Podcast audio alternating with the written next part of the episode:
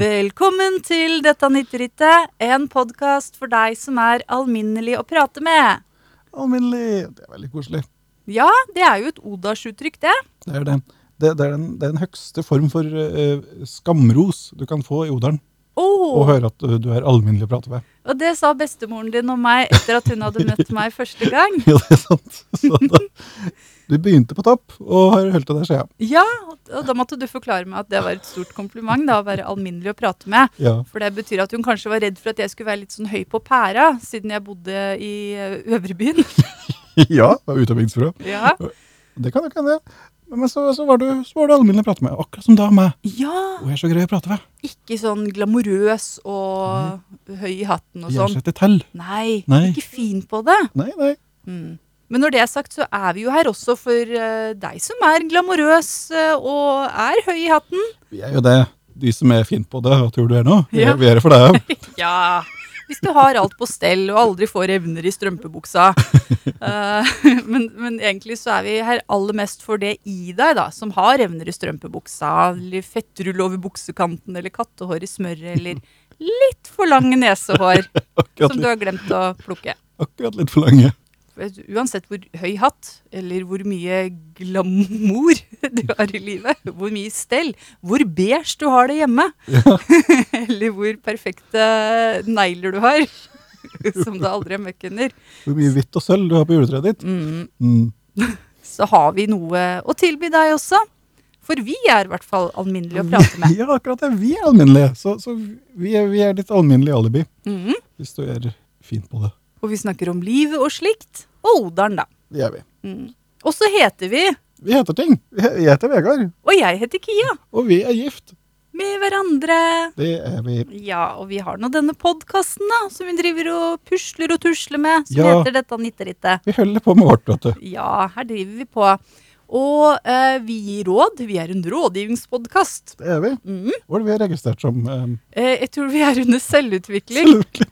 Ja, det passer veldig bra. Ja, nei, men det er sant. Det, Mhm. Det er en kategori vi følger seg hjemme i. Ja, vi måtte velge noe, og Ja. vi var mer det enn noe annet vi kunne velge på. Det var det eller sport. Jeg, tror jeg valgte rett. Det, Ekstremsporten snakke om følelser. ja, ja, Mhm. ja, visst. Det er en ekstremsport. Mm. Og her øver vi på det. Mm. Um, men det betyr jo at uh, hvis du sender inn et spørsmål til oss på dettanitterittet at gmail.com Nitterittet at gmail.com. Jeg sa det feil. Ja. vi kan alle gjøre feil. Alle gjør feil, og det går bra. At gmail.com. Ser det går bra. At gmail.com. Det er bare å rette opp igjen. Det gjør oss bare mer alminnelige å prate med. Ja, og Ja. vi legger inn noen slike feil. Mhm. Egentlig så går det det, til- går det til strøken til. Ja, ja, vi er så rutinerte, så. Mm, Men ja, da, da, da svarer vi på det, men ikke fra sånn ovenfra og ned-perspektiv. Vi er liksom i det sammen, grubler og grunner og greier ut greiene sammen med deg. Ja. Og ofte så nytter det litt. Da nitter det litt. Så, så, så, så vi, vi er alminnelige å prate med. Mm. Skriv til oss. Mm. Vær så snill. Ikke vær sjenert. Nei, skriv inn flere ganger. Skriv. Jo, så må vi må jo liksom breie oss litt, da, for vi vil jo gjerne at uh, dere skal uh, spre vårt glade budskap. Ja. Spre Nitterit-evangeliet utover alle uh, jordens riker. ja og vi er veldig interessert i at de, de snakker med dine venner om, om dette nettrittet. -hmm.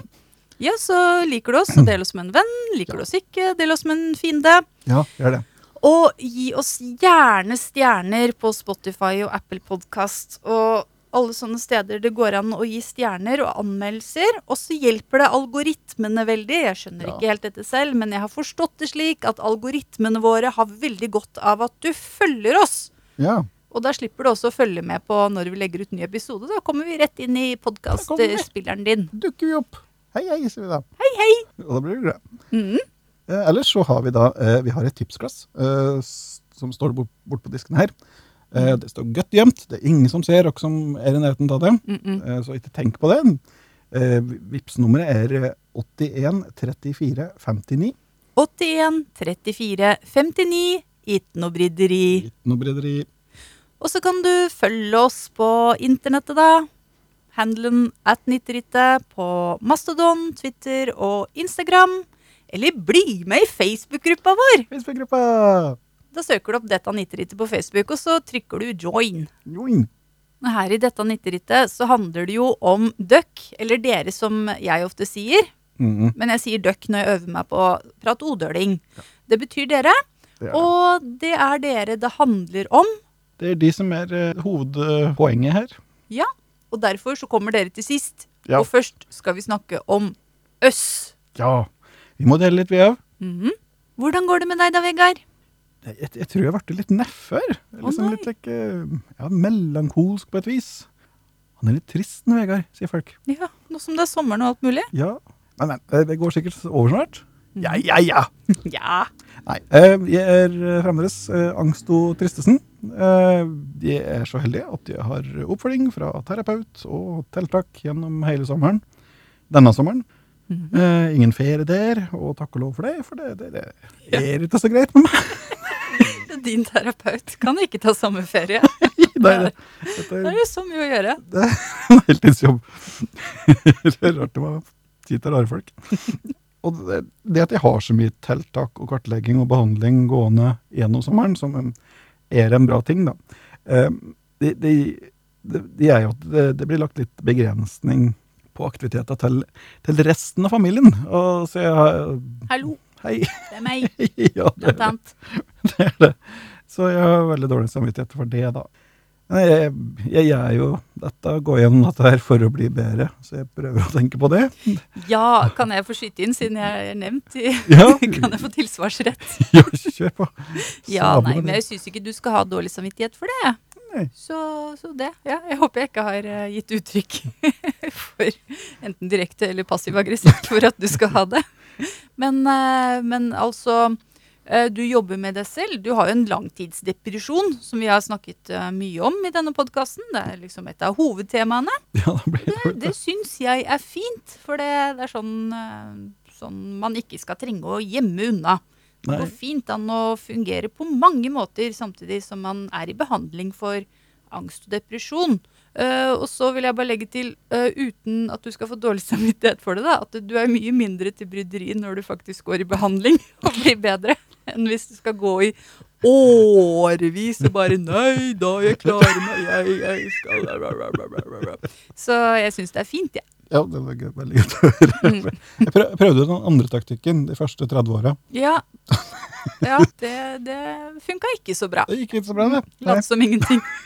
Lat som det skal være sånn. det ordner seg. det gjorde det. Spoiler alert. Det ordna seg ikke. Men nå begynner det å ordne seg litt. På, på, på vei mot ordning, i hvert fall. Ja. Sånn sett utenfra så ser det ut som en sånn slak, oppadgående kurve. Men også bedring er ikke lineært. Ingenting i livet er lineært, Nei da. omtrent. Nei, jeg, er veldig flink til å, å, å banke meg opp sjøl. Eh, banke meg sjøl opp Ja. eh, mentalt eh, gjennom dagen. Mm. Det er jo det er kjeft og sjikane eh, fra, fra jeg våkner. Mhm. Våkner til jeg søvner, og, og søvner det gjør jeg etter noen solide timer med å eh, stirre i taket med spesielt aktivt indre flåkjeft. Mm. Alt dette kommer innenfra, eh, fra meg, bare, bare så det er nevnt. så ikke kommer noen beskyldninger her. Eh, og det er jo på en måte en trøst, at det ikke kommer utafra. Mm. Men, men det er en, en eh, Det er utmattende. Det er det. Ja, Det er veldig leven oppi dette. Ja, og du syns utenpå òg, liksom. For jeg kan se på deg noen ganger og se på ansiktsuttrykket ditt, og så ser jeg at det er litt sånn derre kjempe du, Det er som om du hører på noe kjempehøyt, bare at det er ikke noe Du har ikke på deg headset eller noe, det bare er så mye som foregår inni hodet ditt, så du liksom er i en mental slåsskamp eller noe sånt. Ja, det, det kjennes akkurat slik. Mm. Det er- Bare at ofte så ser det ikke ut som du slåss så mye tilbake, du, bare, du ser litt sånn resignert ut, sånn der Au, au, au, au, sånn noe som puncher deg inni hjernen din. Ja, det er slik det oppfattes. da. Jeg, jeg får bank. Mm. Det er det jeg får. Det er jo en veldig ubehagelig tilstand. Det er det. Ja, det er noe jeg vil anbefale til noen, egentlig. Mm, vi er blitt veldig gode til å prate om det, og vi tar, tar ikke alltid, sitter ikke alltid og ler av det, men det er fint å kunne det også innimellom. Jeg tror det er nødvendig. Ja, det blir sagt, sagt mye negativt om å, å bruke humor eh, når du prater om, om, om eh, mental helse. Mm, Men det, det har sine fordeler òg. Mm. Blant annet gjør det at du kan prate om det. mhm, Og hvis alternativet er å ikke prate om det i det hele tatt, så, så, så er, det, er det en bra ting. Ja. Jeg er enig, og humoren din er en kjemperessurs, og ikke noe du bruker for å liksom deflekt eller eh, Nei? ja. Jeg syns det er vanskelig å snakke om sånne ting på bare norsk. Ja. Det er så mye Ok, jeg har gått på universitetet. Ja, ja. På, på engelsk. ja, og gikk på Blindern på engelsk. Blinder. Ja, men nok om meg. Det er, det fremdeles, eh, det er fremdeles du som er eh, på, på scenen nå. Eh, ellers da, vi, vi, har, vi har jo en, fi, en fin sommer, vi har det. Eh, Vi har til og med lansert vår mektige datter internasjonalt eh, med en dagstur til eksotiske Charlottenberg. Ja. Skjøtta. ja. Alle som eh, kjenner til Odalen og omegn, kjenner nok også til eh, Charlottenberg, som ikke er langt unna. Det var rett over svenskegrensa. Eh, det var første utenlandsturen eh, hennes. Mm. Det var, det var veldig artig å få til. Eh, og så har vi hatt mange fine dager på garn, eh, og bada og kost oss. I går var det til og med en tur til Miljøstasjonen. Og jeg, jeg har jo tidligere i podkasten eh, bedyra min eh, udødelige kjærlighet til Glåmdal interkommunal renovasjon, GIR. Og spesielt den lokale miljøstasjonen. Og det, ja, det, var, det, var, det var så trivelig som alltid. Eh, ja. jeg koser meg så fælt når jeg går rundt der og finner hvilke kasser jeg skal legge ting i. Og, ja, vi blir alltid i så godt humør når vi har vært på, på gir og kasta ting. ja, Og til og med datteren vår på tre år eh, ville ikke dra derfra når vi var ferdig kasta. Vi vil være igjen på renovasjonen. Og det skjønner jeg godt. Det, eh, det er et fantastisk sted. Mm. Eh, ellers da, så har jeg, mm, vi har begynt å pusle så smått med å ordne eh, utstyr til å kunne podkaste eh, hjemmefra. Eh, det tror jeg blir fint. Ja. Det er det, det er litt det sånn tipsglasset som Ja. du ikke trenger å bry deg om, men som står i hjørnet. Eh, hvis du kommer oppi der, så skal det gå til det. 81, 34, 59. Ikke noe bryderi. ikke det. Så jeg tenker på at det kan sikkert hende at lyden ikke blir like bra eh, som man er her i studio. Men på den andre sida så bare mumler jeg og virrer unna mikrofonen her òg, så dette sikkert blir så stor forskjell. Eh, og så vil det uansett gjøre det lettere for oss å spille inn, og mindre stress og styr med å komme oss att og fram, og det er jo fint. Ja, så vi er veldig takknemlige til Radio Kongsvinger som låner oss studio gratis. Tusen takk, Radio Kongsvinger. Tusen takk, kjære snille Radio Kongsvinger. Men da slipper vi å komme sånn med lua i hånda og sånn. Kan vi låne i studio nå? Hva skal vi spille inn nå? Ja, jeg tenkte vi skulle spille, inn, ja, vi kan vente litt. Ja. Mm, ja, det blir godt å slippe det. Eh, så så jeg, jeg tror det blir fint, og, og jeg ser frem til å kunne spille inn eh, hjemmefra. Ja, det tror jeg også blir bra. Ellers har jeg lurt litt på om det er veldig boomersk til oss å operere med e-post som eh, kommunikasjonsform Oh, ja. med dere her i podkasten. Skal vi ha litt husholdning? Ja, for vi ber jo stadig om at de nytterittelittere, nitterittelittere, som vi kaller dere, eh, sender inn spørsmål på e-post. Og så lurer jeg på, er, er det litt som å insistere på å få spørsmål tilsendt i iltelegrams form fra Aftenpostens Ceylon-korrespondent? Eller eh, tror du vi støter fra oss ungdommen, Kia? Ja. Ja. Nei. Hva, vi, hva, hva skulle du gjort? Er det TikTok? Er det hva? Ja. Hvordan kommuniserer ungdommen?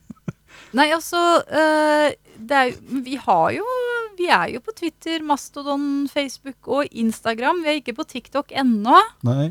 men eh, det kommer kanskje det.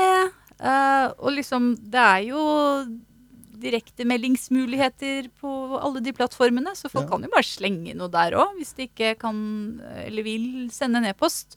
Mm. Men jeg bare tenker at e-post er det greieste, for det er liksom det mest stabile formatet. Ja, som det det. vi kjenner til digitalt. Og alle sånne plattformer har jo e-post som innloggingsfunksjon, så alle må jo ha en e-postadresse. ha en e-post, så jeg syns ikke vi skal klage så mye på dette. Men eh, ja, jeg har, eh, jeg har ikke så mange studiepoeng i eh, medievitenskap. Bare ti. Bare ti oi, men det, det må en gjøre. Men ja, det, det det er ikke sikkert det står så dårlig til med vårt forhold til ungdommen. For jeg, jeg, jeg kom på det at vi, vi har jo økt andelen lyttere i aldersgruppa 18 til 22 eh, fra, fra 1 til nå, eh, de siste- siste par episodene, så er det oppe i svimlende 3% Ja. Så det, det tyder på at den, den kurven går oppover. ja. Oppad. Hello, fellow kids. Så jeg skulle bruke den memen, og så eh, så jeg at det å bruke den memen, det er liksom Det er den memen i seg selv. Og, og det, det, det var det allerede i 2017. Så um, vi er liksom Vi er så akterutseilt. Ja, men vi skal være det, herlighet. Vi er 43. Ja. 86 år til sammen. Og nå gjorde jeg deg mer deprimert. Nå var det siste du trengte. Uff a meg. Nei, så, men det er en så god det ting. siste glimt i øyet som døde ut. Vennen min. Vi er, eh, vi er ganske tidløse, vi. Vi er det. Vi, vi eh, rus, rustikke. Du. Det er fint. Nei, men altså, Hvis folk eh, ønsker oss tilgjengelig på flere plattformer og i flere formater, så ja, gi oss et tips. Ja, gjør det. Og Nå tror jeg du, jeg tror du overtenker dette. jeg. ja, gjør det. Mm. mye, mye, mye kan tyde på det. Men nukk om meg. Åssen går det med deg, Kia? Det går kjempebra!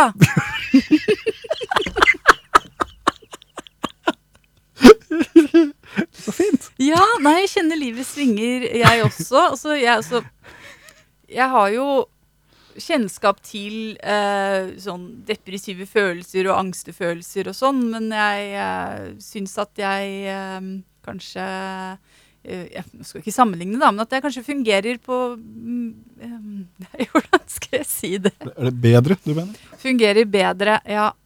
Jeg fungerer bedre enn deg. Høytfungerende, må man si. jeg er høytfungerende, som høres ut som et kompliment, men det, det er, betyr jo egentlig at eh, høyt, det er jo et tross alt der. Ja.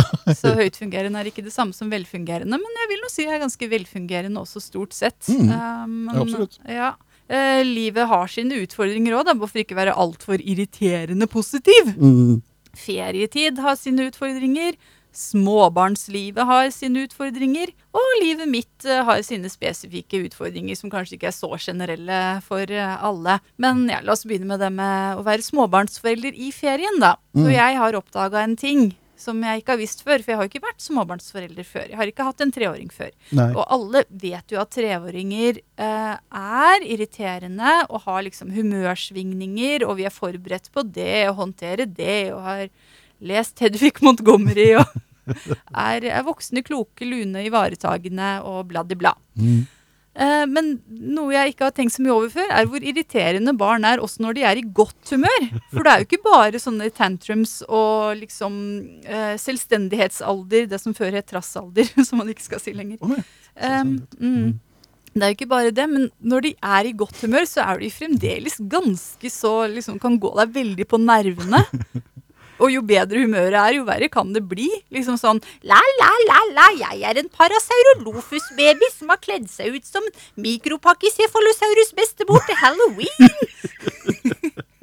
det, er, det er fint, det, vennen min. Hele dagen lang.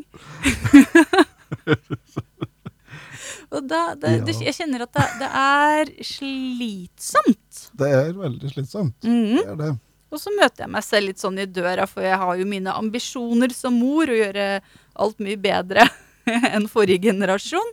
Det gjør man jo. Man Mm. vil eh, gjøre det bedre enn på 80- og 90-tallet. Ja. Og se og bekrefte barna på en måte som man ikke var bevisst på da. Og så ser jeg på de selvsikre og utadvendte barna da, og tenker sånn Skulle vi ikke jekka dem ned noen hakk? Hadde ikke vært ålreit med litt sånn sjenerte og forsiktige barn? Som var litt, litt redd for foreldrene sine? Litt mine, vet du. Nei, men, Men, du tenker ja. det, men du, du, vi gjør det jo ikke. Gjør ikke det, Nei, altså. Men, men man, man, man tenker sitt. Ja da. Man Og det, og det er veldig vanlig. Det er, så- sånn er det. Ja, sånn er det. Eh, og jeg har ikke spesielt dårlig samvittighet for det, bortsett fra den evig dårlige samvittigheten man får eh, i gave fra universet på den dagen man blir forelder, da. Ja, Den er jo alltid der i bånn. ja da. Ja. Men jeg, tenker på når vi hadde en nyfødt baby, så sa folk sånn Sånne folk som sier sånn, sånn Hå-hå, bare vent og se hvor slitsomt det kommer til å bli. For det, nyfødte babyer sover jo veldig mye og er ganske stille.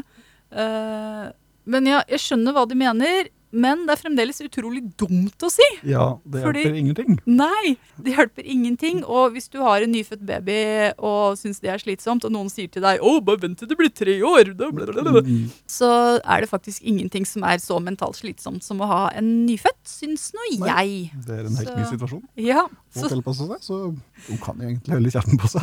ja.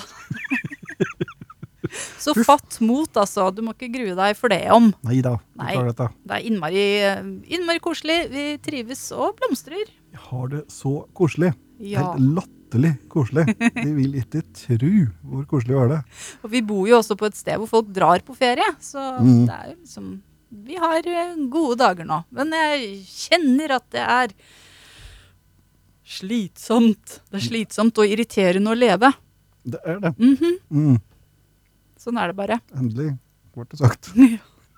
Ja, jo, altså, jeg har hatt tid til å gruble og kjenne etter ekstra mye, for jeg har tatt uh, ferie fra sosiale medier. Ja, ja du har hatt ferie stemmer du. Mhm. Og det, ja, det har jo gitt meg bedre tid til å, som sagt, gruble og kjenne etter. Uh, Kanskje ikke alt jeg kjenner etter er sånn Kanskje det er liksom sosiale medier kan jo være en flukt fra, Ja, fra ting. det kan jo hjelpe til med å dempe. Dempe angst. Eksistensiell angst, f.eks. Mm. Uh, nå kjenner jeg litt sånn ubehagelig følelse i meg som jeg ikke helt vet hvor jeg skal gjøre. Oh, jeg tar meg en tur på Instagram, så kjenner jeg på sammenligning og sjalusi i stedet. Ja. Er Eller på Twitter, og så tenker du 'Å, dum var det fælt om'. ja. ja. Hver plattform Ja, til jeg sitt har bruk. ingenting å klage over. Nei da, jo da. Nei, men jeg har fylt, uh, fylt den tiden da, med å være ekstremt tilstedeværende mor. Det har du. Og dessuten så har jeg tatt noen eh, masterklasser på nett. Mm. Det høres veldig fint ut.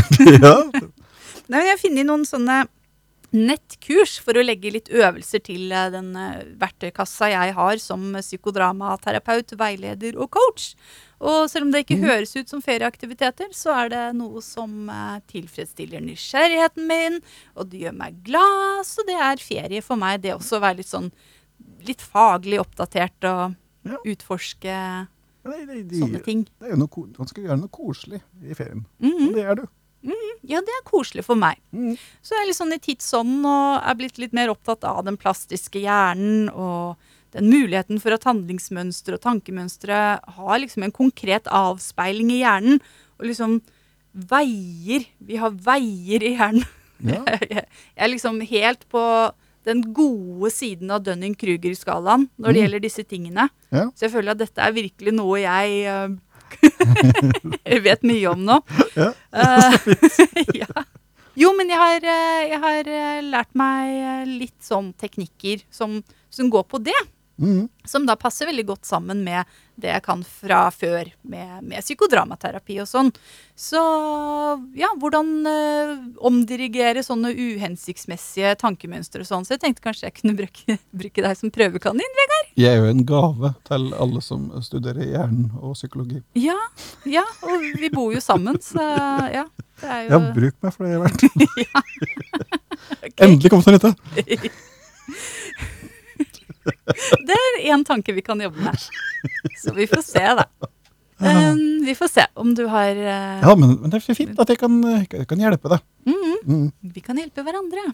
Mm. Så ja, hvis noen andre vil være prøvekanin, så kan de booke time med meg. Ja. Og jeg har et online eh, og da legger jeg ut en link, så kan du se. Mm. Mhm. Men ja, jeg har, jeg har lyst til å si noe mer, jeg. ja. Jeg har lyst til å snakke om drømmer. Litt sånn apropos hjernen og sånn, men på en, på en annen måte. Jeg vet ikke mye om eh, hva som gjør at vi drømmer, eller hvem vet det egentlig. Jeg tror ikke det er sånn funnet et eh, helt eh, fullgodt svar på det. Nei. Og så er det noe som blant annet meg, som aldri husker hva de drømmer. Nei, og det er veldig interessant. Mhm. Og jeg husker veldig Jeg har jo egne teorier om hvorfor. ja. Er, er de Jeg er for dum. ja, mm, det, jeg tenkte meg det kom til å være noe litt sånn nedrakkende på deg selv. Men, men det er litt artig. Jeg husker, jeg har to, to drømmer de siste ti åra, Mm jeg. Som jeg husker. Man kan øve seg på det òg, har jeg hørt. Mm. Mm. Nei, men det er liksom en sånn greie at uh, ingen vil høre hva andre drømmer, for det er kjedelig.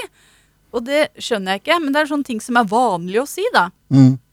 Eh, at man skal ikke snakke om drømmer, man skal ikke plage andre med sine drømmer fordi det er liksom sånn kjedelig for andre å høre på. Da. Det gir ikke så mye mening. Jeg syns det er veldig gøy å høre hva andre drømmer. Ja. Og jeg syns mine egne drømmer er superinteressante. For jeg har jo litt bedre selvtillit enn deg, og syns at jeg selv er ganske interessant. Ja, Jeg er en- er enig i det. Du, du er mer interessant. Men altså, det, er- du, du har opp, når du drømmer, så ser du en film. Du er med på en film, liksom. Og, det er, og du er hovedpersonen, og du opplever ting som er helt fantastiske og magiske og går utover alle naturlover og tid og rom.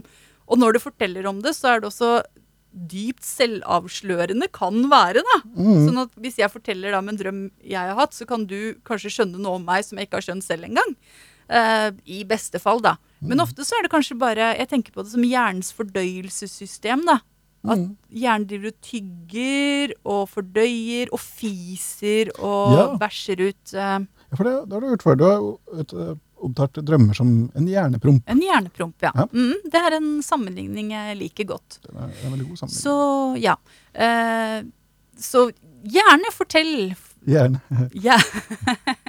Gjerne fortell hva hjernen din har uh, fist i, i natt. Så da tenkte jeg at det, det kunne være foranledningen til en ny spalte. Ny spalte! Ah! Som heter I natt jeg drømte. Å, det er fint. Mhm. Ny spalte, de. Oi, oi, oi. Så send en drøm til nitterittet at gmail.com. 90 at gmail.com. Ja, så tenkte jeg at jeg kan begynne, da. For i natt jeg drømte Ja. noe veldig artig, så jeg har lyst til å fortelle om det. Ok, jeg hadde bursdag. Mm. Og så um, skulle vennene mine lage overraskelsesfest til meg. Oh, Og det var veldig koselig, og jeg gleda meg. Men det var Mhm. liksom sånn Jeg tror, jeg tror egentlig bursdagen min var glemt, men så hadde de kommet på det. mm. Oh. Uh, men det var god stemning, og jeg gleda meg, og de drev og ordna, og det var sånne hemmeligheter rundt meg. Oh, ikke se, ikke se. Oh. Og så hørte jeg at uh, Javier Bardem og Take That var på vei til byen. Uh, den spanske skuespilleren med det interessante fjeset. Og, og boybandet Take That, som uh, Ja, fra 90-tallet, som har eh, populære. Ja. Take har jeg tenkt at- Ja. Uh, og, og, og vi bodde i en by, da, så det var liksom mye som skjedde rundt overalt. Så tenkte jeg dette blir litt av en fest, og hvordan har de fått tak i Javier Bardem og Take That? Og hvorfor skal de komme til festen min? Så, men det var før festen hadde begynt, og så møtte jeg Take That liksom ute i byen. da. Og de så unge ut, sånn som de var på 90-tallet. Ja. Og så sang vi sammen. så fikk jeg være med dem og synge bare sånn på gata, liksom. Det var bare at vi gikk forbi forbipasserende på gata. Uh, I just want you back for good. Want you back, want you back. Want you back for good. Og det var det. Ja. Sto vi og sang litt sammen, og så skjønte jeg at ja, men de er jo ikke her for festen min, de er jo her for et eller annet annet, noe større. Oh, ja. Eh, Det var tilfeldig at de Ja, det var bare tilfeldig. Men det gjorde liksom ikke noe. Jeg blir ikke lei meg for det. Og Javier Bardem kom Ja, hvorfor var han der? Jeg tenkte tenk at det er, er der og synger, det kan jeg skjønne, men Mhm. hva skal han gjøre? Jeg skjønner det ikke helt, for jeg er ikke spesielt opptatt av den spanske skuespilleren Javier Bardem. Og jeg har aldri vært fan av Take That. Jeg var liksom Nei. litt for gammel allerede da. Jeg var litt for kul Ah, til å like boybands i 1997. Uh, men Var du med på sånn Is 17? du? Nei, jeg var New Kids on the Block. New Kids? Ja, mye tidligere. 1990, liksom. Det, det var min tid for boybands. Ja. Ja, men We want New Kids on the Block back to Norway. Ja, de har tydeligvis tatt, uh, fått en stor plass i underbevisstheten min likevel. For Ja. der var de i natt. Og ja. Det, men ja, det ble en kjempefin fest. Men det er så fint, du, du har så detaljerte drømmer, du. Ja. Og det, det, er liksom, det er liksom eh, bestemte settinger og bestemte folk, og bestemte ting de har på seg. og ja, det er liksom sånn det er, De er velregisserte ofte, men Ja. jeg skjønner jo Det føles i hvert fall sånn, men når jeg forteller om det, så skjønner jeg at det kan kanskje ikke gi så mye mening eller være så dramaturgisk og sånn Du føler ikke sånne narratologiske regler. sånn at det er kanskje Jeg skjønner det med at det kan være litt sånn lite givende å høre på.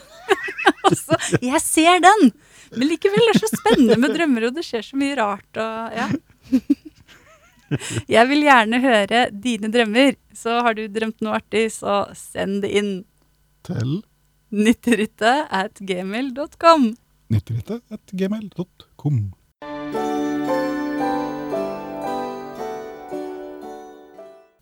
Språkspalta!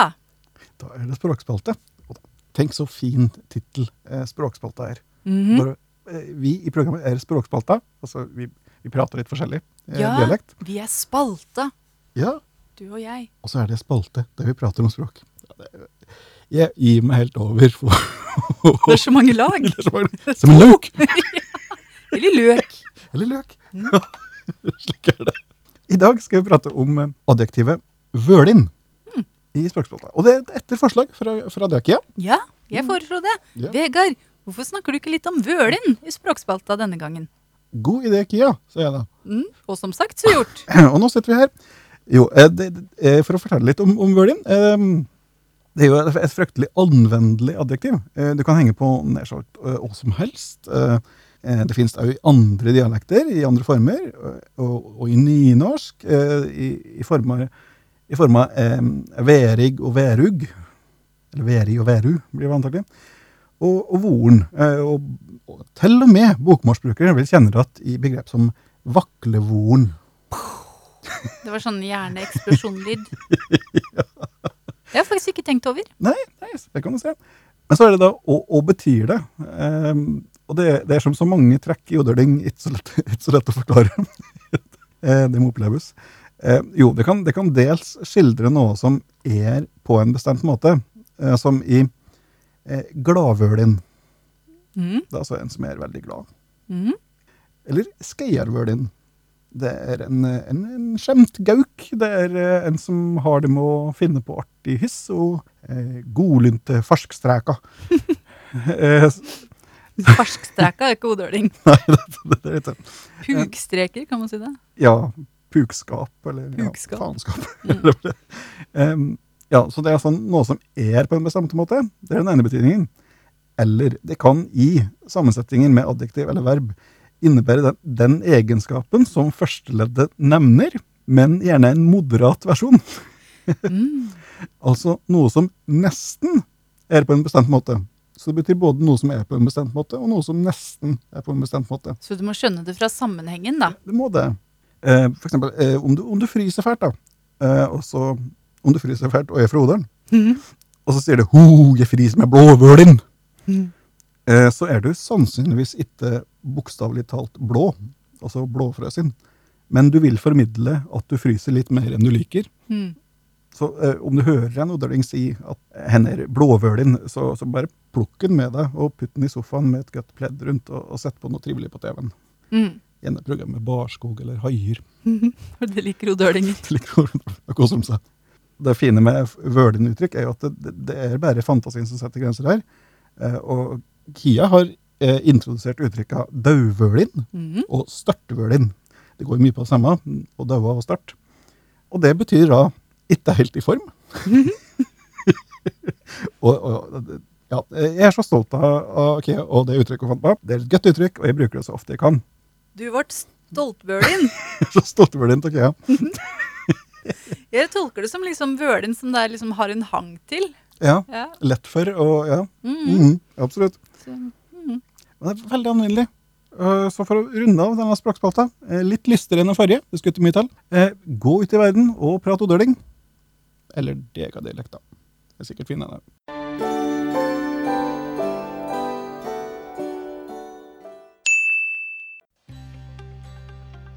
Hva har du som ligger og ulmer, lugger eller gnager i livet? Jeg snakker da om mentale ulmebål, lugging i relasjoner og gnagende følelser. Denne sommeren tilbyr jeg, Kia Martinsen, psykodramabasert veiledning og coaching til introduksjonspris av 750 kroner per time. Sammen med meg kan du utforske dine egne handlingsmuligheter og ressurser. De er alltid flere enn du tror. Du velger selv hva du vil se på, men trenger heller ikke ha noe forhåndsdefinert tema. Jeg hjelper deg å få kontakt med det som vil fram. Psykodrama er en spontan, leken og kreativ metode som tar deg og dine grenser på alvor. Her er det plass til hele deg, uten prestasjonskrav, enten vi møtes på nett eller i virkeligheten. Send e-post til kiamaria at online.no. Det er cia-maria at online.no for timebestilling eller uforpliktende spørsmål. Og husk at alt kan lekes.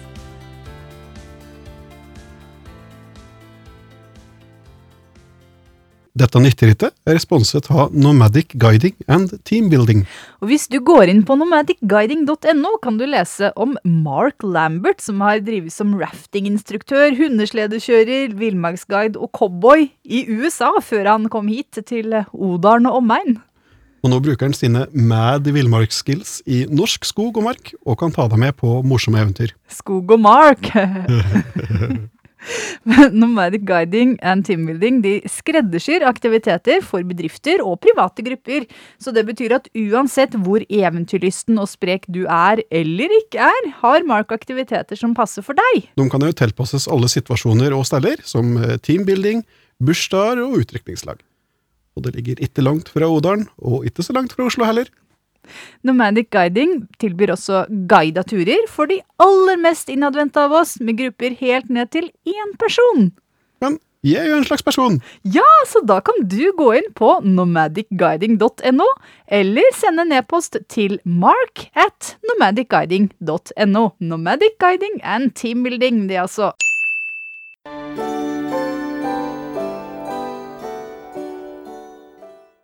Da er det endelig tid for døkk-delen av dette nytterittet. Takk og lov. Endelig. Og vi har en liksom underdel av den delen når vi får eh, tilbakemeldingsbrev. Ja, Noen ganger så får vi lyst til å lese de opp, og den kaller vi 'Jaså, er det døkkat?' ja. Og det er jo odøling for 'Å, så fint å høre fra deg'. igjen'. Så fint å se deg. Jeg er så glad i deg, betyr det. Mhm.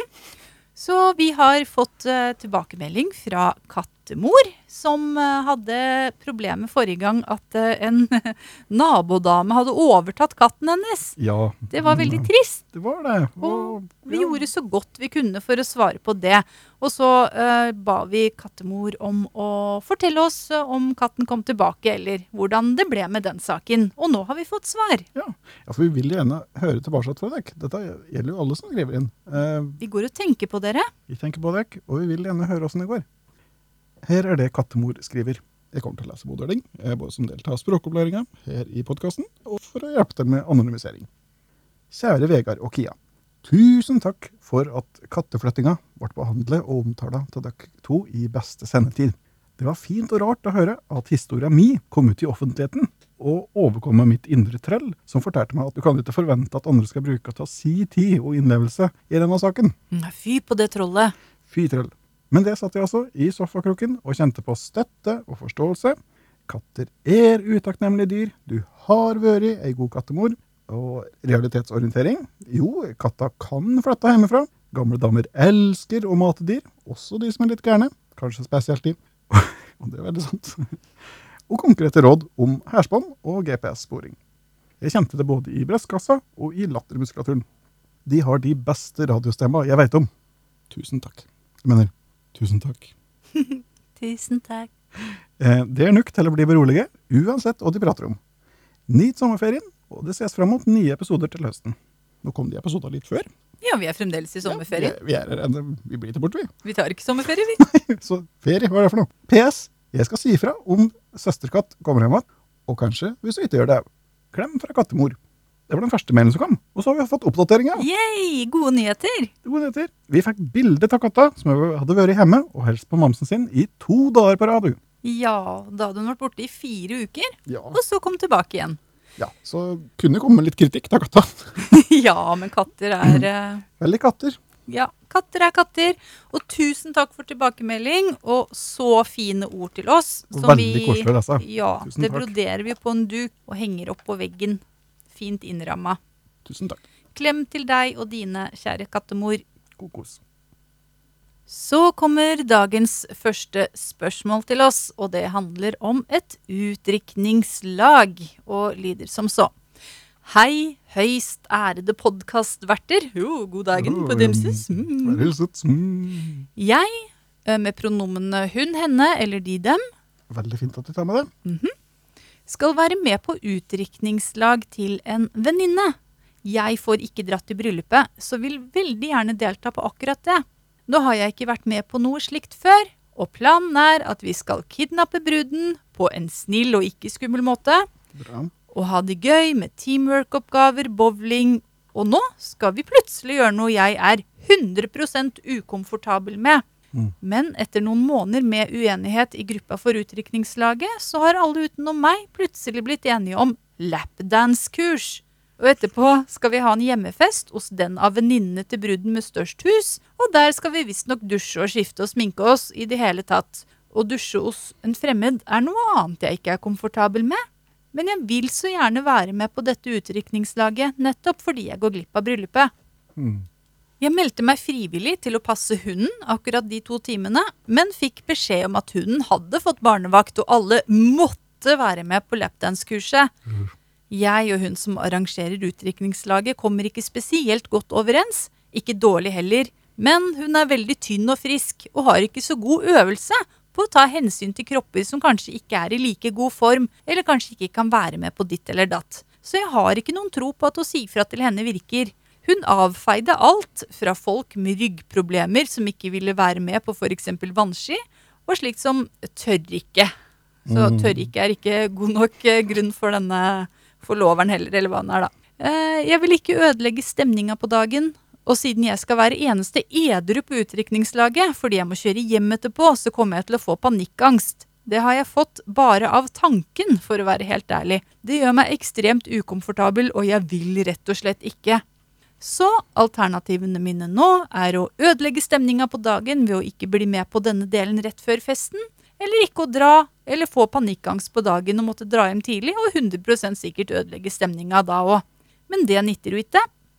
Hjelp! Med vennlig hilsen vil ikke under noen omstendigheter, nei, tusen takk.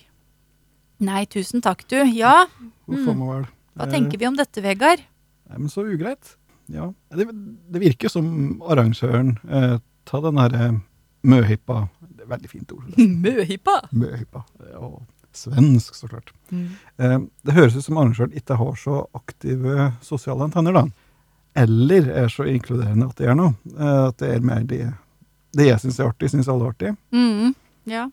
Og det, det er jo en stor oppgave å finne aktiviteter eh, for en stor gruppe.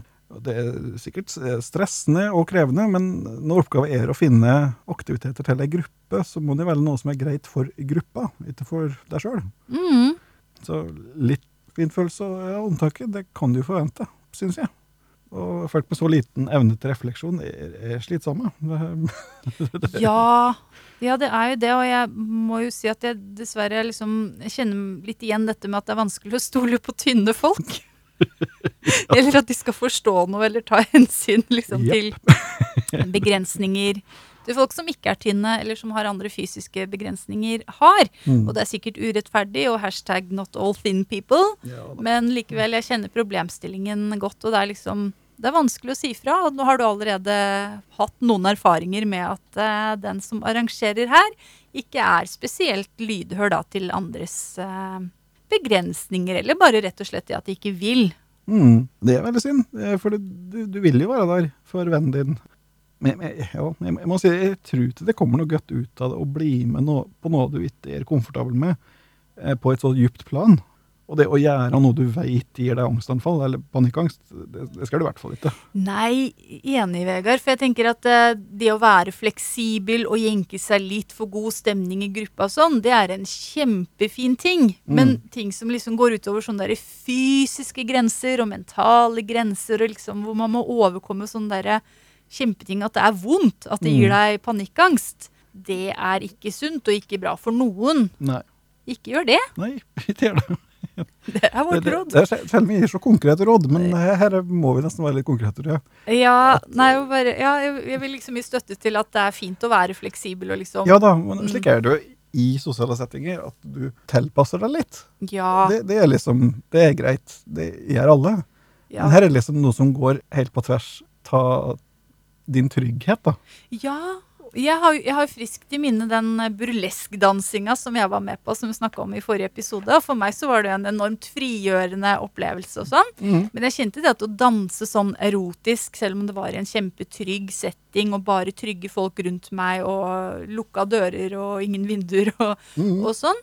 Uh, for meg ble det alt i alt en kjempegod opplevelse, men at det var utfordrende å, å gjøre det. Og at det liksom ga litt sånne mentale etterreaksjoner, som for meg egentlig var interessante og håndterbare, men ikke, ikke ubetydelige. Nei. Og det å liksom skulle utsette seg for sånne ting da i en setting som ikke er trygg, Og som du strengt tatt ikke har vært sjøl. ja, altså, du ikke hadde lyst i utgangspunktet. Jeg hadde jo lyst til å danse burlesk. Jeg vil gjerne gjøre det igjen. Jeg meldte meg på kurs. Men å skulle gjøre det i en sånn situasjon hvor man ikke er trygg, og ikke vet at man blir eh, forstått og ivaretatt av gruppa, det er, det er ikke noe Ikke noe jeg vil anbefale. Nei, det er jo ikke greit. Jeg forstår godt og ugreit det, det er bare det å vurdere å prate med arrangør, ta, ta laget òg.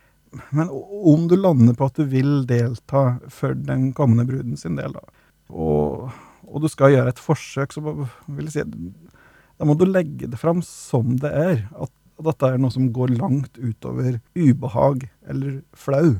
At det faktisk er avgjørende for om du kan delta eller ikke.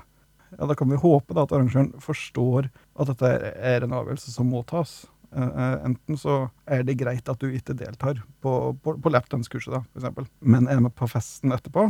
Mm, Det blir jo et argument i ultimatumsform, da. mm, Enten så tilpasser det, eller så kan du ikke være med. mm. Eh, og det er aldri trivelig å presentere et ultimatum, men jeg, jeg tror det må til at det må være såpass tydelig da, for å prøve å få denne personen til å forstå hvor stort problemet er. Ja, og enda da så kan man jo ikke være sikker på å bli møtt med Nei, nei, forståelse, nei. for det er jo opp til uh, den uh, som arrangerer. Mm. Uh, og dens kapasitet for å ha, ha den forståelsen. Men jeg tenker jo at det burde være mulig å arrangere et lapdance-kurs, og at du kan være med uten å delta. Men at man da kan liksom være med på fellesskapet likevel. Du kan være publikum og heie og sitte og ta en brus og vo-vo og sånn der. Det Mm. trenger ikke være sånn enten-eller, da. Men Nei. hvis de bestemmer at det er sånn enten-eller, så er liksom det ja, veldig rigid og, og synd. Ja, det blir jo synd. Men jeg tror at hvis du da sier ifra, som Vegard foreslår her, og presenterer det som et ultimatum, da, så gjør du jo ikke det på en sånn streng eller kjip måte, men at du bare ja, er ærlig, da. Og, og det er dine grenser, Ja, og det er der grensa går. Ja, at det er, det er bare slik det er. Eh, du, du kan jo si at du unner både eh, bruden og resten av laget å ha det artig, eh, men at, at du ikke vil lage noe drama av hele greia. Mm. Men at du ikke kan være med på opplegget slik det er planlagt nå. Ingen dramatikk, det er bare slik det er. Ja, og hvis det blir dramatikk ut av det, så er det ikke du som lager det. Det er det ikke. Absolutt Mm, mm. ikke. Men om, det, om du fikk ordne det slik at du, at, eh, enten at du, at du kommer til festen etterpå, eller som, du, som Akea sier, at du er med som tilskuer eh, under lapdance-konkurransen, eller lapdance-kurset. Mm. Konkurranse det kanskje. det kan hende det blir litt konkurranse, da. Hvem lapper mest? Mhm. Men Jeg vet ikke. jeg vet ikke hva de gjør! Jeg heller. Jeg har aldri vært på Jeg visste ikke at det fantes for eh, de som ikke skal bli profesjonelle. Nei. Kommer langt i dag. Mm. Eller stutt. Jeg ser- det burde ikke være noe problem uansett. Uh, og det påvirker jo ikke opplevelsen til de andre at en ikke er med. Nei, med mindre de gjør et stort nummer ut av det, da. Ja, da, da velger de å lage drama av det. Ja, Og det er synd, men eh, da, da er liksom det litt ute av eh, dine hender. Ja, Og da har du gjort ditt i hvert fall. Ja, og opp til dem.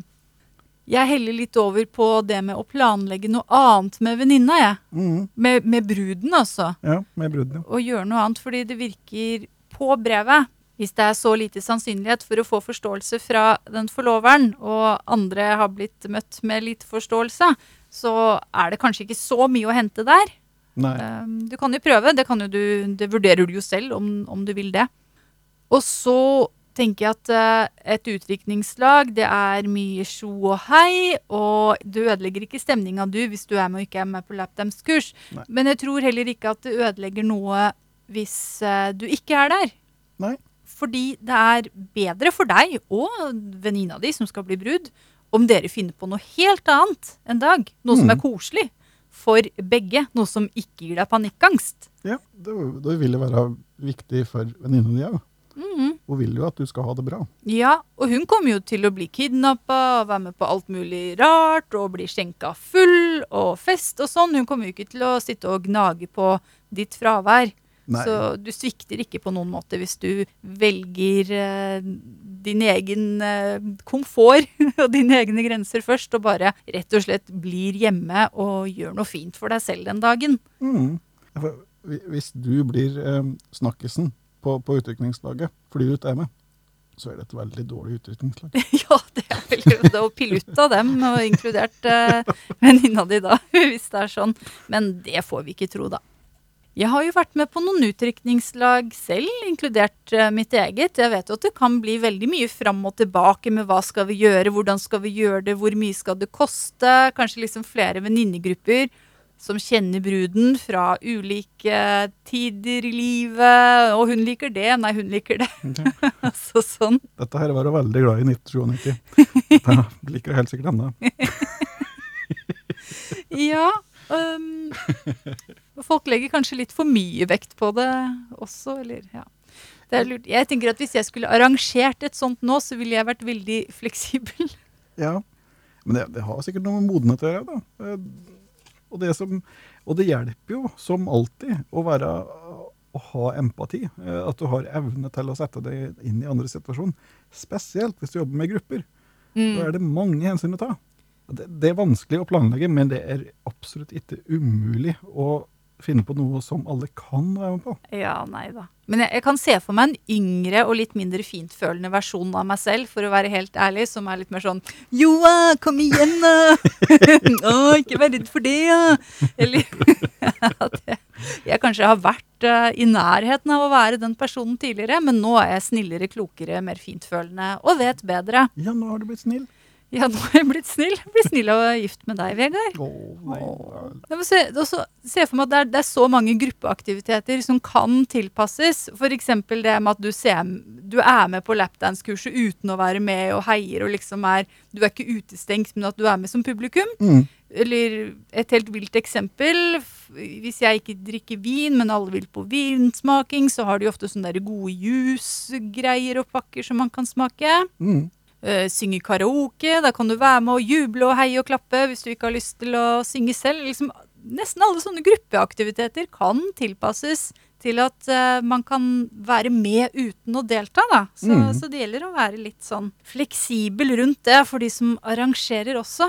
Jeg vil, hvis jeg vil jo si det, hvis det blir noe drama eller dårlig stemning ut av dette her, så er det ikke du som står for det. Det er jo arrangøren som velger å ikke tilpasse noen ting. Ja, Så ikke kjenn så altfor tungt for det. Og så husk at det er bare et utdrikningslag. Det er det. Og du er en god venn. Du har lyst til å stille opp for venninna di som skal gifte seg. Jeg skjønner det er jo trist at du ikke kan være med i bryllupet også, Ja, ja, for all del. men livet er så langt, og det er så mye annet dere kan finne på sammen som er bedre for både deg og henne. Ja, et utdrikningslag er ikke, det er ikke livet. Vennskapet har de uansett. Vennskapet har du uansett. Hun er heldig som har deg som venn, som faktisk vurderer å strekke deg så langt for å være med å lage god stemning for henne på hennes gode dag. Absolutt. Men det er ikke bra for noen at du skal gjøre noe som gir deg så mye ubehag. Nei, det skal det være. Ta vare på deg selv. Ta vare på venninna di på en annen måte enn å lapdanse edru når du ikke vil. Vi vil gjerne høre hvordan det gikk. Det vil vi. Skriv og fortell om du valgte å dra, hvordan det ble, eller om du valgte å gjøre noe annet den dagen. Ja, Gjør det. Lykke til. Og vi støtter deg uansett. Vi støtter deg. God kos. God kos.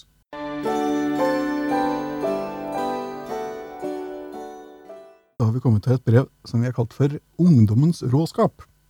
Og jeg leser som vanlig på Odøling, som deltar språkopplæringa her i podkasten, og for å hjelpe dere med anonymisering. Kan jeg bare komme med en liten innvending? For jeg har aldri helt skjønt hvordan det hjelper til med anonymiseringa at du leser på Odøling. Det er for det er så få odølinger i verden. Det er antakelig ingen av dem å skrive inn. Så da blir det litt annerledes. Hvis det f.eks. er en trønder som har skrevet inn, og så leser jeg på odøling, og så sitter, de, eh, sitter noen i Trøndelag og tenker at det høres ut som naboen min. Ja. Men det, han prater jo odøling, så det kan umulig være den. Ja, det er jo et poeng. Men jeg har en liten innvending. Bare et lite aber. Et Mm. men, om du vil.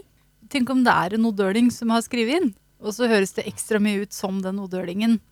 Jeg hadde ikke tenkt så langt. Men ø, uansett uansett eh, hvilken dialekt du har. Når Vegard leser dine brev, så leser han på odøling. Ja, på begge målføre. Mm -mm. Ta jeg et hensyn til. Ja, det er sk- skrive på nynorsk og lese Bodøling. Ja, alltid. Unnskyld at jeg blanda meg. Det går bra. Nå skal jeg la deg lese brevet, jeg. Skal lese brevet. Det er sommer, og hagen er fullt av unger fra nabolaget. Noen kjenner vi godt, mens andre blir plutselig dratt med nå som været er varmere. Det er trivelig at ungene våre har så mange venner som gjerne vil henge her, men det kan bli litt mye av. Spesielt med de ungene vi ikke kjenner så godt. Hagen vår er ikke så stor, og det hender jo at du vil ha den for deg sjøl. Litt familietid, en rolig middag, bare slappe av litt i vår egen hage. Men de skjønner ikke når det er på tide å dra hjem igjen, sjøl når vi sier ganske tydelig ifra. Noen ganger må vi være så strenge at vi får vondt i magen og angrer oss etterpå. Men det var visst ikke så farlig, for et par timer seinere er gjengen tilbake likevel. Det hjelper heller ikke at de tar seg til rette og spruter vann i utesofaen, går inn i huset ute og spørrer, Men spørring er de gode på, da. De spør ut av skjemsel om alt de syns er litt rart, som hvorfor vi har det så rotete. Eller om de kan få se oppi takeaway-boksa når maten omsider kommer, og vi føler vi kan sende dem på dør. Vi trenger tips til hvordan vi kan sette bedre grenser som faktisk funker, uten at ungen vår blir mindre populær.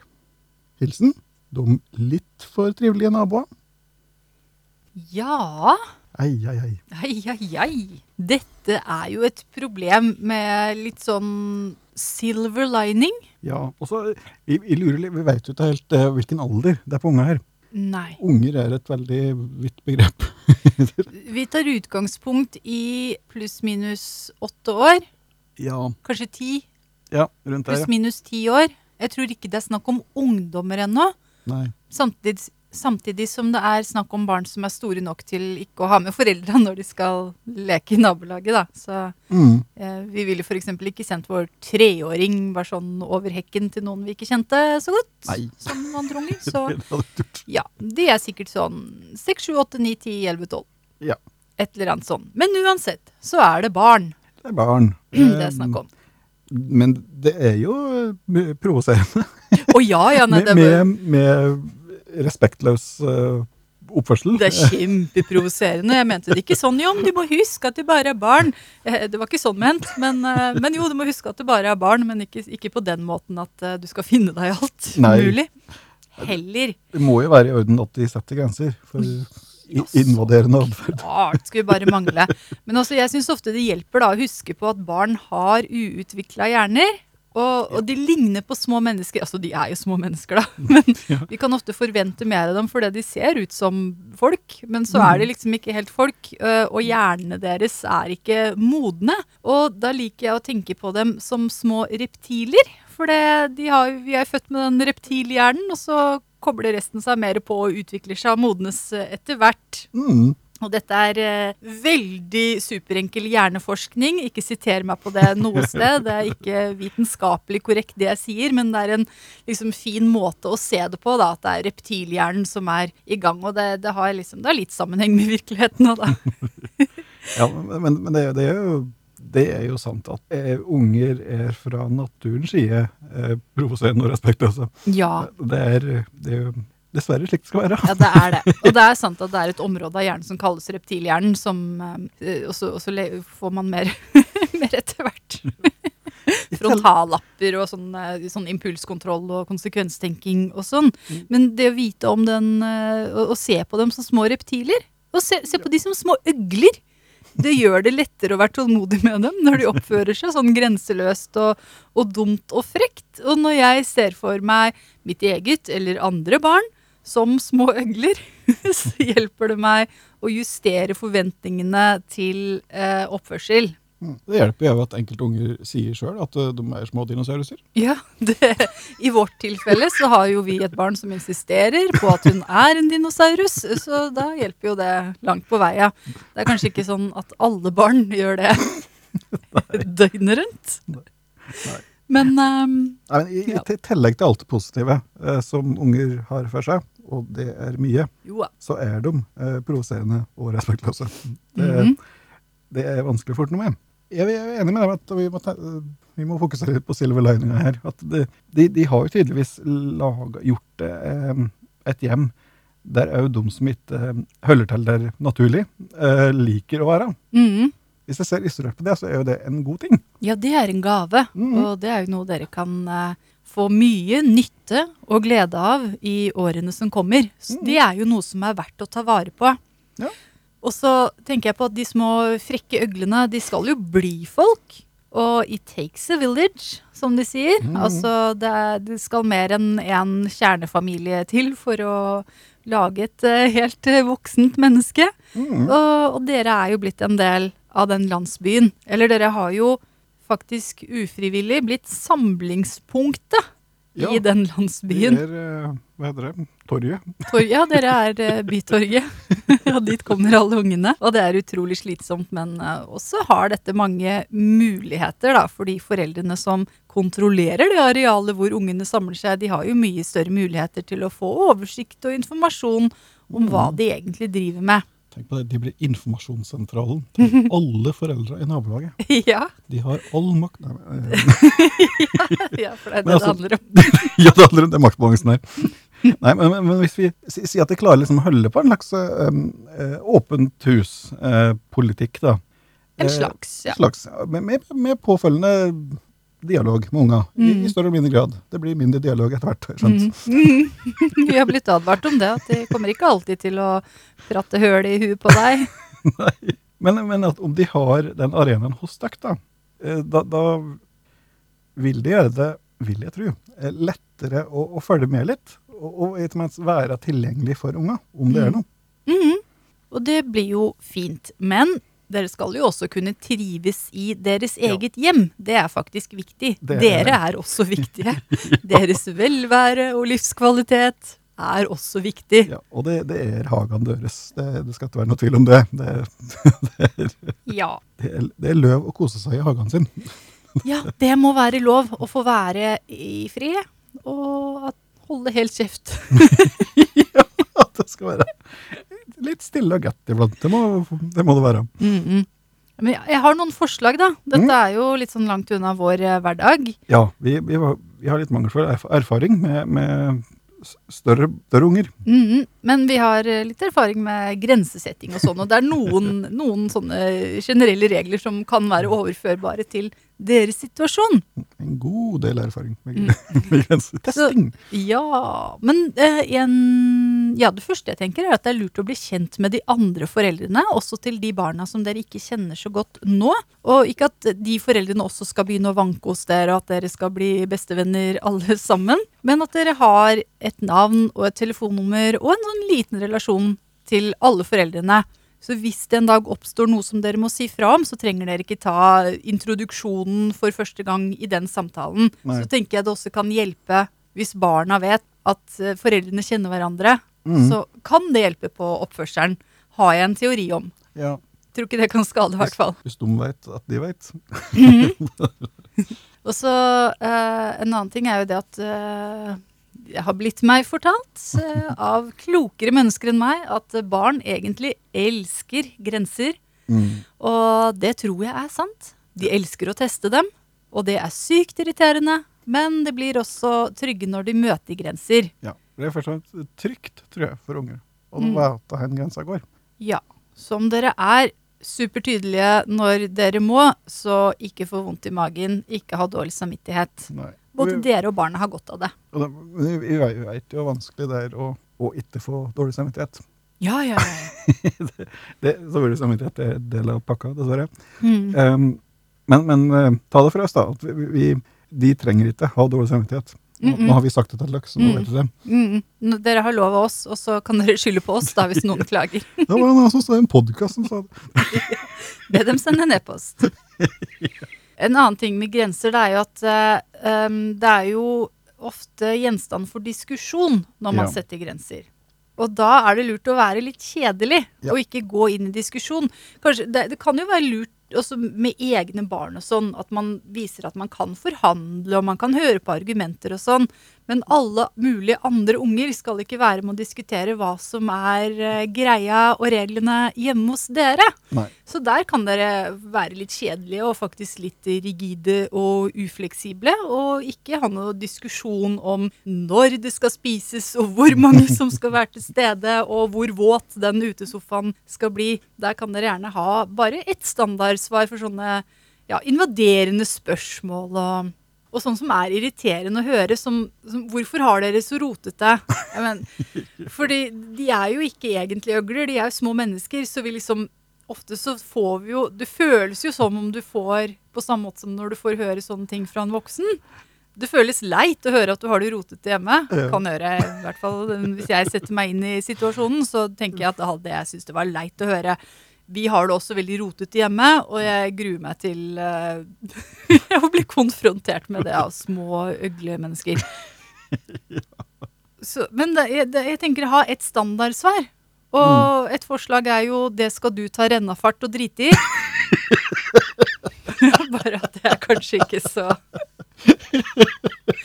Nei da. Det er et godt svar. Ja, det, det er jo det. Du kan si det inni deg, og så kan du finne noe som er liksom litt bedre å si. Noe som ikke gir like mye tenning, for det tror jeg kan gi veldig mye tenning hos en unge. Å, hun sa det, og det blir liksom veldig sensasjonelt. Men at du finner noe med liksom den samme energien, men uten eh, ordet drit i seg, da. liksom bare veldig tydelig, ikke nødvendigvis uvennlig, men sånn Hepp, dette gidder jeg ikke svare på. Dette gidder jeg ikke svare på. Ja. Kan for være noe. Vi svarer ikke på sånne spørsmål her. Mm. Eller noe sånt. Og så er det det med å bli kvitt dem, da. Når de, Ja. når de skal gå. Når Ja. dere skal være i fred. Fordi de, de må jo hjem igjen på et tidspunkt. Mm. Og det er det jo de som bestemmer. De, de er hjemme hos deg. Ja, odarsk de, som er Ja. dere. ja, ja. Døkk som bestemmer, Det- kan vi si det? Eh, nei, Eller nei, det blir feil. er. Ja, Men det er, eh, det er døkk som bestemmer det, Det, ja, det, det er dere ikke dum. som bestemmer det, Ja. ikke dum. Mm. Mm. Og da Ja, når, når det er tid for å gå, så er det tid for å gå. Men det kan jo være lurt å si fra litt før Ja. tiden er inne. Så de får gjort seg klare. For det, unger har ikke tidssans. Og så er de også medfødte eksperter på uttaling. Det er ikke det at de er liksom manipulerende eller noe, men de bare er eh, de bare, Det er bare sånn de er. Ja, de liker ikke overganger. Nei. Så å si fra i litt tid føre hjelper dem å få et tidsbegrep, fall. Mm. Og så si fra før de må begynne å avslutte. Ja. og så si fra når de må avslutte. Og så la det gå en tid etter det, og så nå, da er det ferdig. Da er det ut. Og akkurat hvordan den overgangen skal skje hvis de klamrer seg fast og liksom nekter å gå, da vet ikke jeg, ta dem lett i skulderen eller noe. Du skal ikke liksom hale og dra i dem heller, men jeg får ikke håpe du kommer så langt, da. Nei, nei. Eh, Da er det i så fall Det er vanskelig med andres unger. Ja.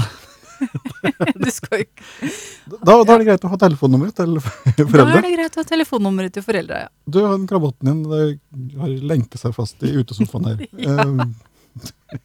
Gidder du hente den?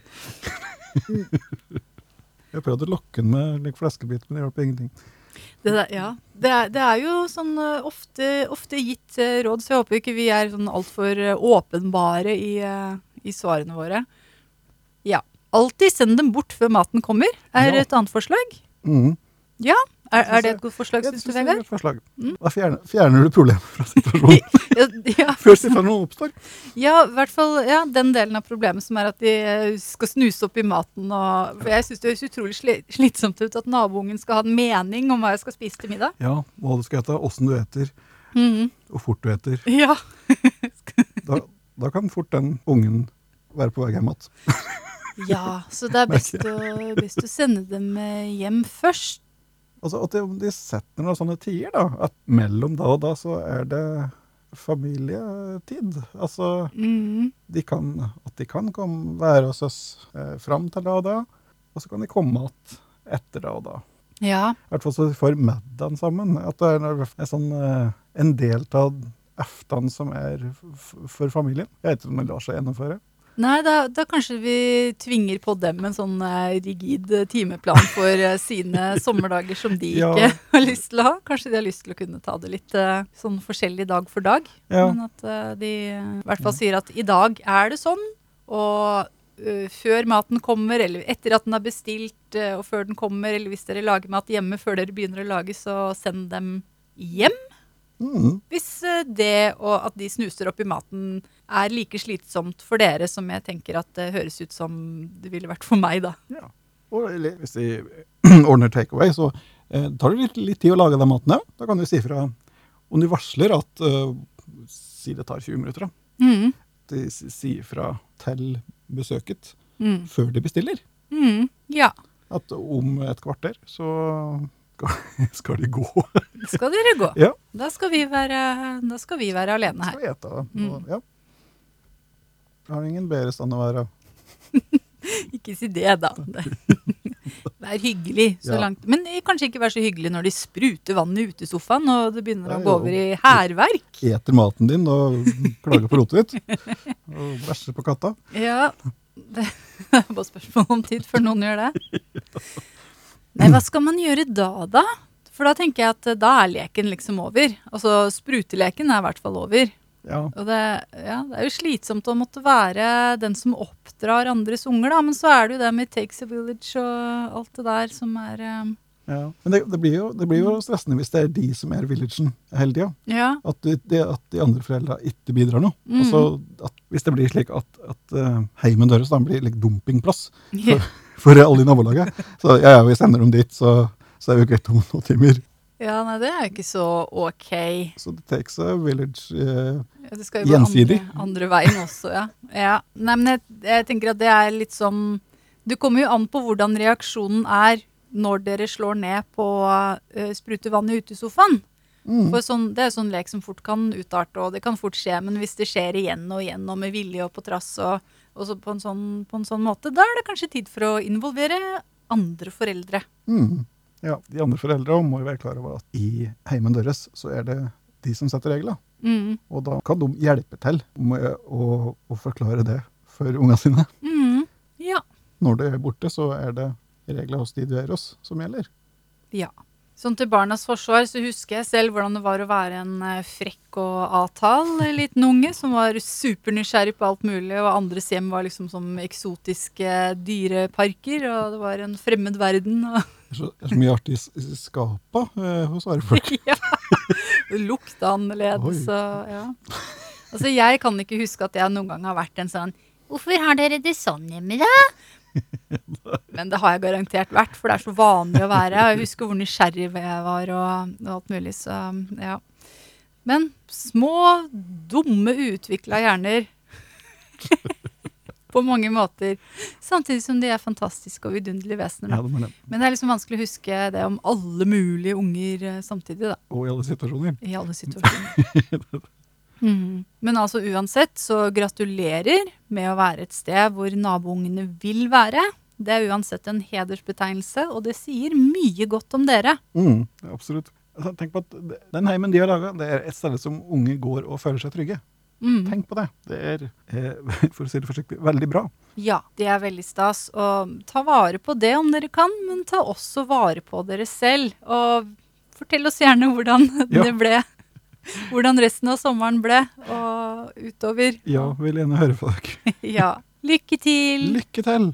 Og god kos òg. Og god kos.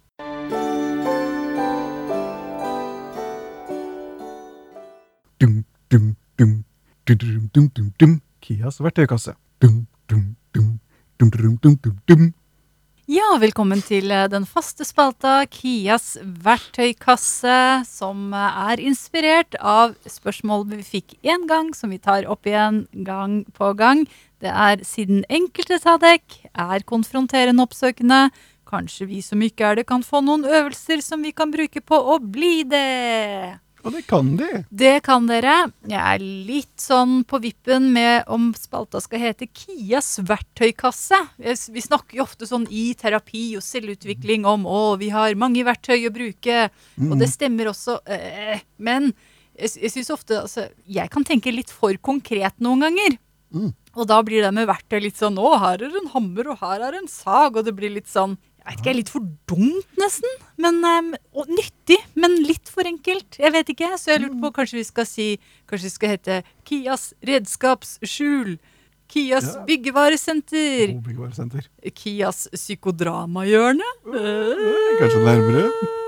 Jeg er ikke overbevist eh, om uh, noen av disse, så Send inn! Send inn forslag! Nitterittet at gmail.com. Nitterittet.gmail.com. Så vi holder oss til Kias verktøykasse for nå, for det handler Ja. liksom om Nå må det hete Ja, nå må det hete au. Det handler om uh, ting som jeg kan finne på å gjøre med en uh, gruppe eller en uh, deltaker jeg har i, i min uh, veiledning, coaching, eh, psykodramaterapi, da. Ja. Som jeg gjerne vil dele med dere, og håpe at det kan komme til nytte. Eh, I dag så har jeg en litt mer fysisk øvelse enn vi har eh, hatt før, for da har jeg vært litt mer åpen for at det kan tegnes og skrives og eh, litt mer sånn. Men nå er det faktisk en fysisk øvelse som man gjør med kroppen. Litt vanskelig med bare lyd, men det går fint hvis jeg klarer å beskrive det godt nok. Og det tror jeg nok at jeg skal få til. Det er en veldig enkel øvelse, så det er ikke noe koreografi eller noe stokking av armer og bein involvert i noen særlig grad. Um, så jeg har igjen tatt uh, utgangspunkt i det spørsmålet vi fikk, og tenker at uh, en øvelse i å ta plass kan være nyttig både her og i egentlig alle andre av livets uh, sammenhenger. Mange sliter litt med å ta plass på en god måte. Noen tar altfor mye plass. Denne øvelsen ja, kan kanskje også være noe for dere, men jeg tenker nå først og fremst på dere som kan breie dere litt mer her i verden, ha litt spissere albuer, føle at denne verden er din, du hører like mye hjemme her som alle andre. Så det er en liten hybridøvelse som jeg har mekka sjæl Uh, blanda av eh, eh, inspirasjon fra qigong og eh, psykodramaøvelser. Så eh, alt du trenger, er deg selv og din egen kropp. Og dine to hender. Hvis du ikke har to hender, så bruker du det du pleier å bruke i stedet for hender. Det du ville brukt til å holde en ball med. Så se for deg at du holder en ball. Og så kjenner du på mellomrommet mellom hendene og fokuserer bevisstheten din dit. Det spiller ingen rolle hvilken størrelse det er på ballen. Det kan hende den endrer størrelse, faktisk. Du tar ballen og flytter rundt på den i rommet mens du holder den opp og ned og hit og dit. Og kjenn etter om den endrer størrelse og form, men bare registrer hvordan den kjennes. Ikke vurder eller prøv å endre. Så tar du denne ballen din og sender den til alle hjørnene i rommet. Tak og gulv. En fem-seks ganger i forskjellige retninger. Og den kommer tilbake til deg hver gang. Den ender alltid opp i hendene dine. Og så skal du ta ballen og sende den ned gjennom gulvet til jordas indre. Forestill deg at den suser gjennom jordkloden før den kommer tilbake til deg. Det er en veldig rask ball. Den kommer fort tilbake. Så sender du den ut i verdensrommet. Langt, langt ut, langt forbi månen. Forbi planetene, ut av solsystemet og gjennom galaksen før den kommer tilbake til deg. Gjør det tre ganger minst i forskjellige retninger. Og den tredje gangen ballen kommer tilbake til deg, den siste gangen ballen kommer tilbake til deg, så beholder du den. Og kjenn på den. Se om det er noen endringer. Se om den føles annerledes ut. Uten vurdering, uten å dømme eller prøve å endre det. Dette er din ball. Og så krymper du ballen mindre og mindre og mindre til den blir kjempeliten mellom hendene dine. Og så tar du og plasserer den inn i magen, rett under navlen. Der kan ballen din være. Og den ballen, den representerer din energi. Og så mye plass som den ballen har tatt nå, og enda mer, finnes det til deg og alt som er ditt i verden og verdensrommet. Så det var den øvelsen. Vi øvde litt på den i stad før vi begynte å spille inn, Vegard. Hvordan var det? Jo, det var veldig rart Ja. og uvant. Mhm. Og, eh, og jeg merker at, at jeg bruker det som for meg er eh, fysikkens lover. ja. At, at jeg, jeg, må, jeg, må la, jeg må la det gå litt tid, eh, for det tar litt tid å sende ballen ned til jordas indre. Mhm. Da tar det litt tid før den kommer opp igjen. Mhm. Og jeg, må, jeg, jeg merker at det er veldig viktig for meg at det, at det, blir, det er realistisk. At den bruker realistisk tid med å komme opp igjen. ja. Selv om den går superfort. Så jeg må liksom vente til den kommer opp, før Ja. jeg sender den videre ut i, i, i verdensrommet. Ja, og, og det er jo din måte å gjøre det på. Jeg tenker Om det tar ti sekunder lenger for din ball å komme tilbake, mens min ball kommer tilbake med en gang, så er ikke det noen forskjell. Eller de gjør ingenting. Det er bare din måte å gjøre øvelsen på. Mm. Og det er rart, og det er uvant. For hvis det hadde vært kjent og vant, så hadde det ikke vært noe nytt. Det hadde ikke vært en ny øvelse. Nei. Så hele poenget med sånne øvelser er jo at eh, det skal være rart og uvant. Ja. Det var litt bedre nå som det ikke var noen, ikke var noen eh, uvedkommende i naborommet. Ja, stemmer det. Vi øvde oss i stad mens Hege Hol Heges holdeplass hadde innspilling i studio her. Og vi venta på å få komme inn. Um, ja, nok om det. Men ja, rart og uvant, det er bare bra. Føler du deg litt teit, Du gjør ingenting. Gjør det mens du føler deg teit, hvis du har lyst til å gjøre det. Og så hvis du gjør det mange ganger, så føles det mer vant og mindre rart. Og hvis du får noe ut av det, så kjempefint. Ja, det er bra. Og eh, gjør det du på din måte. Jeg må lette at øynene når jeg gjør det. Det kan du godt. Og for, for liksom å, å forestille meg det lettere, da. Ja, For, for, for min del. ja, men det kan hjelpe, det å lukke øynene. Og da får du mer kontakt innover, og du forestiller deg mer også. Det kan være en eh, veldig god idé, det. Mm. Og liksom, det er jo urealistisk. Du kan jo ikke sende en ball ut i galaksen, forbi galaksen vi bor i, og få den tilbake på ikke engang på ti sekunder. Nei, ikke engang da. Nei. Nei. Så det er jo urealistisk, men det er en mental øvelse som eh, jeg føler eh, gir, eh, gir en fysisk endring som kan være nyttig. Eller en mental endring som Ja, mental og fysisk endring, da. Mm. Ja. Det er litt vanskelig å sette ord på sånne ting. Det er liksom derfor Hvis vi hadde kunnet sette ord på alt mulig, så hadde vi bare sittet og babla oss eh, gjennom alt. Mm. Og vært fornøyd med det. Men det er vi jo ikke, så da har vi litt øvelser også. Ja, det var Så fint. Skal jeg få, eh, skal jeg få jingeren min igjen? Ja. ja. Litt øyeblikk. Dum, dum, dum. Dum, dum, dum, dum, dum. Kias verktøykasse. Dum, dum, dum. Dum, dum, dum, dum, dum. Tusen takk.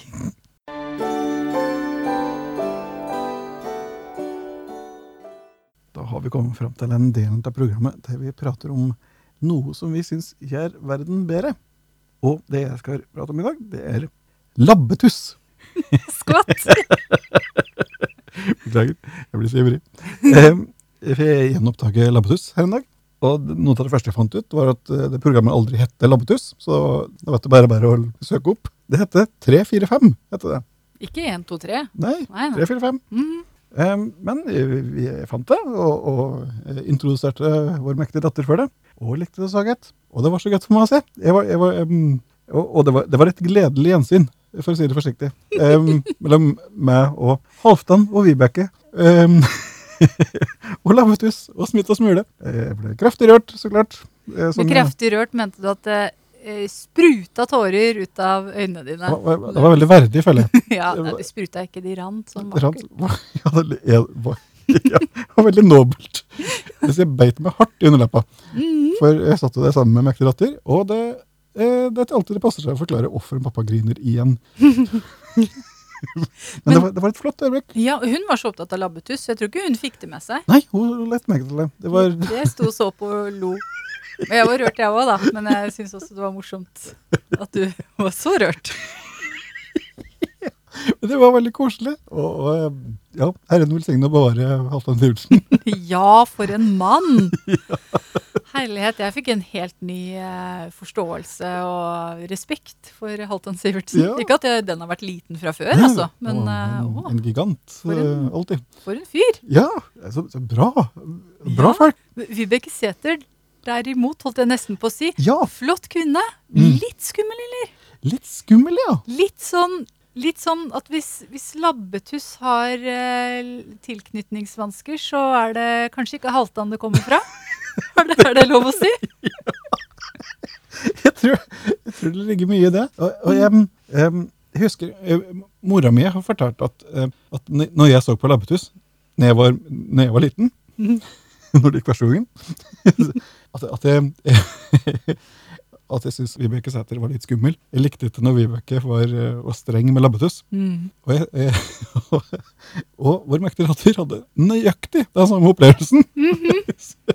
Vi så hun, hun likte veldig dårlig når Vibeke Sæther eh, kjefta på Labbetuss. Mm. Og det, det, det var mer kjefting enn jeg husker. Mm. Men, men, eh, men i, i, i sum en veldig god opplevelse. Eh, De leser fra bøker, og vi, vi som ser på, vi følger med i historien med, med tindrende barneblå. Eh, Og ja, det, det er en, en god opplevelse. Og smitt og smule kommer. Og det Jeg trodde artig. kanskje hun skulle synes at de var litt skumle, for de er jo litt sånn rare med de hendene og sånn. Men Ja. nei da, hun synes det er kjempestas. Ja, det likte jeg. Så ja. Nei, men eh, for et gledelig gjensyn, du. Mhm. eh, gledelig gjensyn med, med Halvdan. Litt mindre eh, En annen erfaring med Vibeke, men, men godt å se henne igjen. Ja Eh, da. Jeg Flott håper det går bra med Vibeke Sæther. Jeg tror ikke hun lever Å, nei. Da går det ikke bra i det hele tatt. Håper, Beklager, Vibeke Sæther. håper Vibeke Sæther er i himmelen hvis hun er død. Nå skal jeg google det med en gang.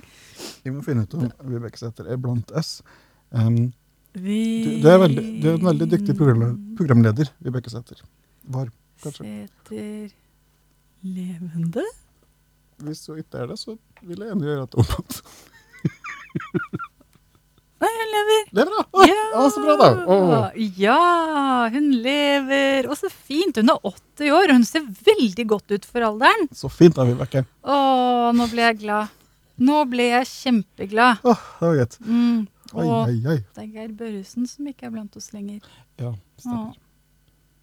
Labbetuss Labbetuss. var veldig flott, Labbetuss. og vil alltid leve i våre hjerter. Labbetuss var en fantastisk hund. Takk mm. til eh, Åsmund Huser, som jeg heller ikke vet om, om er blant oss lenger. Men eh, han var uh, smitta smule. Oh! Mm. Så, så eh, gode tanker til deg òg. Mhm. Hvis du er blant oss, kjempebra. Hvis yeah. du ikke er lenger, takk, takk for det du var. Og så um, Ja, nei, takk til alle som har laga Labbetuss. Ja, det er et bra program. Ja, Et godt program i fjernsynet. og uh, det er bedre enn pingfong. Og hvis du vet hva jeg mener med det, så har du min største medfølelse.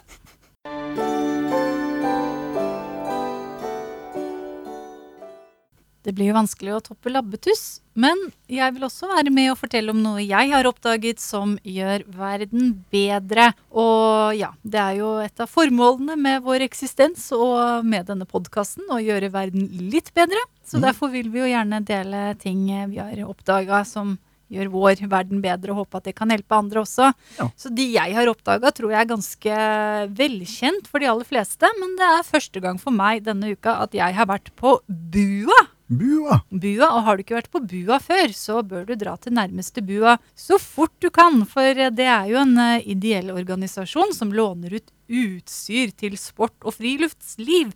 Altså et slags bibliotek for sportsutstyr.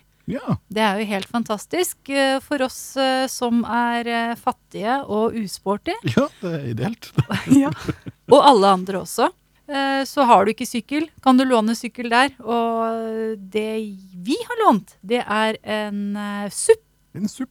Vi har lånt en supp eh, som er standup paddle, som eh, brer om seg i popularitet eh, nå for tiden. Ungdommen Og med- suser rundt på supp. Ja, de suser rundt på supp, og eldre også. Opptil flere jeg kjenner. Ja. For alle aldre. Og det er jo, ja et, et padlebrett som man står på, Ja. og så padler man av gårde. Og det er bra for kjernemuskulatur og alskens. Nå har ikke jeg stått på det ennå, for det er litt vanskelig å øve seg på balansegreier når man har- en treåring dinglende fra kroppen.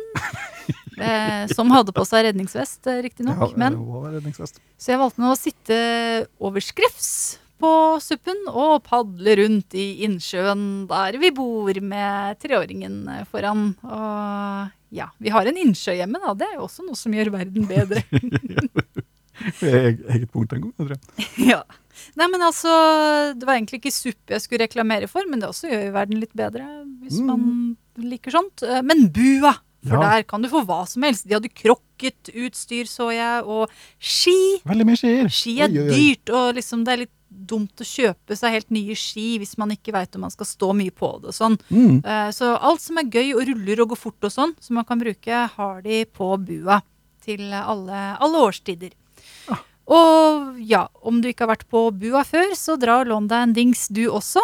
Og dessuten, det ser veldig trivelig ut å være frivillig der. Ja, Så det det. hvis du er ute etter en måte å gjøre litt nytte for deg i verden, eller noe sånt, så dra og meld deg som frivillig og, og jobb på bua noen timer, og vær med hver en av de som låner ut utstyr Ja, for, for eh, nå, nå har vi bare erfaring med det lokale bua på Skarnes. på Skarnes, Mm. men, men det var jo det var nesten, nesten like bra, ikke riktig så bra så klart, eh, som å være på gjenvinningsstasjon. Det var Ja. omtrent like alltid. Det var litt samme bli. type stemning. Ja, og så blide, trivelige folk. Ja. Åh, Så vi, vi var på miljøstasjonen først, og så på bua, så du kan tenke deg Vi hadde en flott dag i går. Dessuten spiste vi kebab. Hmm, ja, bua dere. Det var min ting som gjør verden bedre. Og da skal vi sæle på, vi, Vegard.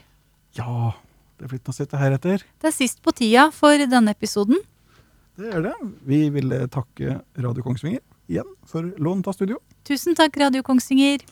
Og så eh, hinter vi den Det, oh ja, det gla, mot, eh, glasset borti der, ja. Ja, Mm. tipsglasset står borti Ja, der. det Det står der. eh, det, det står et nummer der, og det er 81 34 59.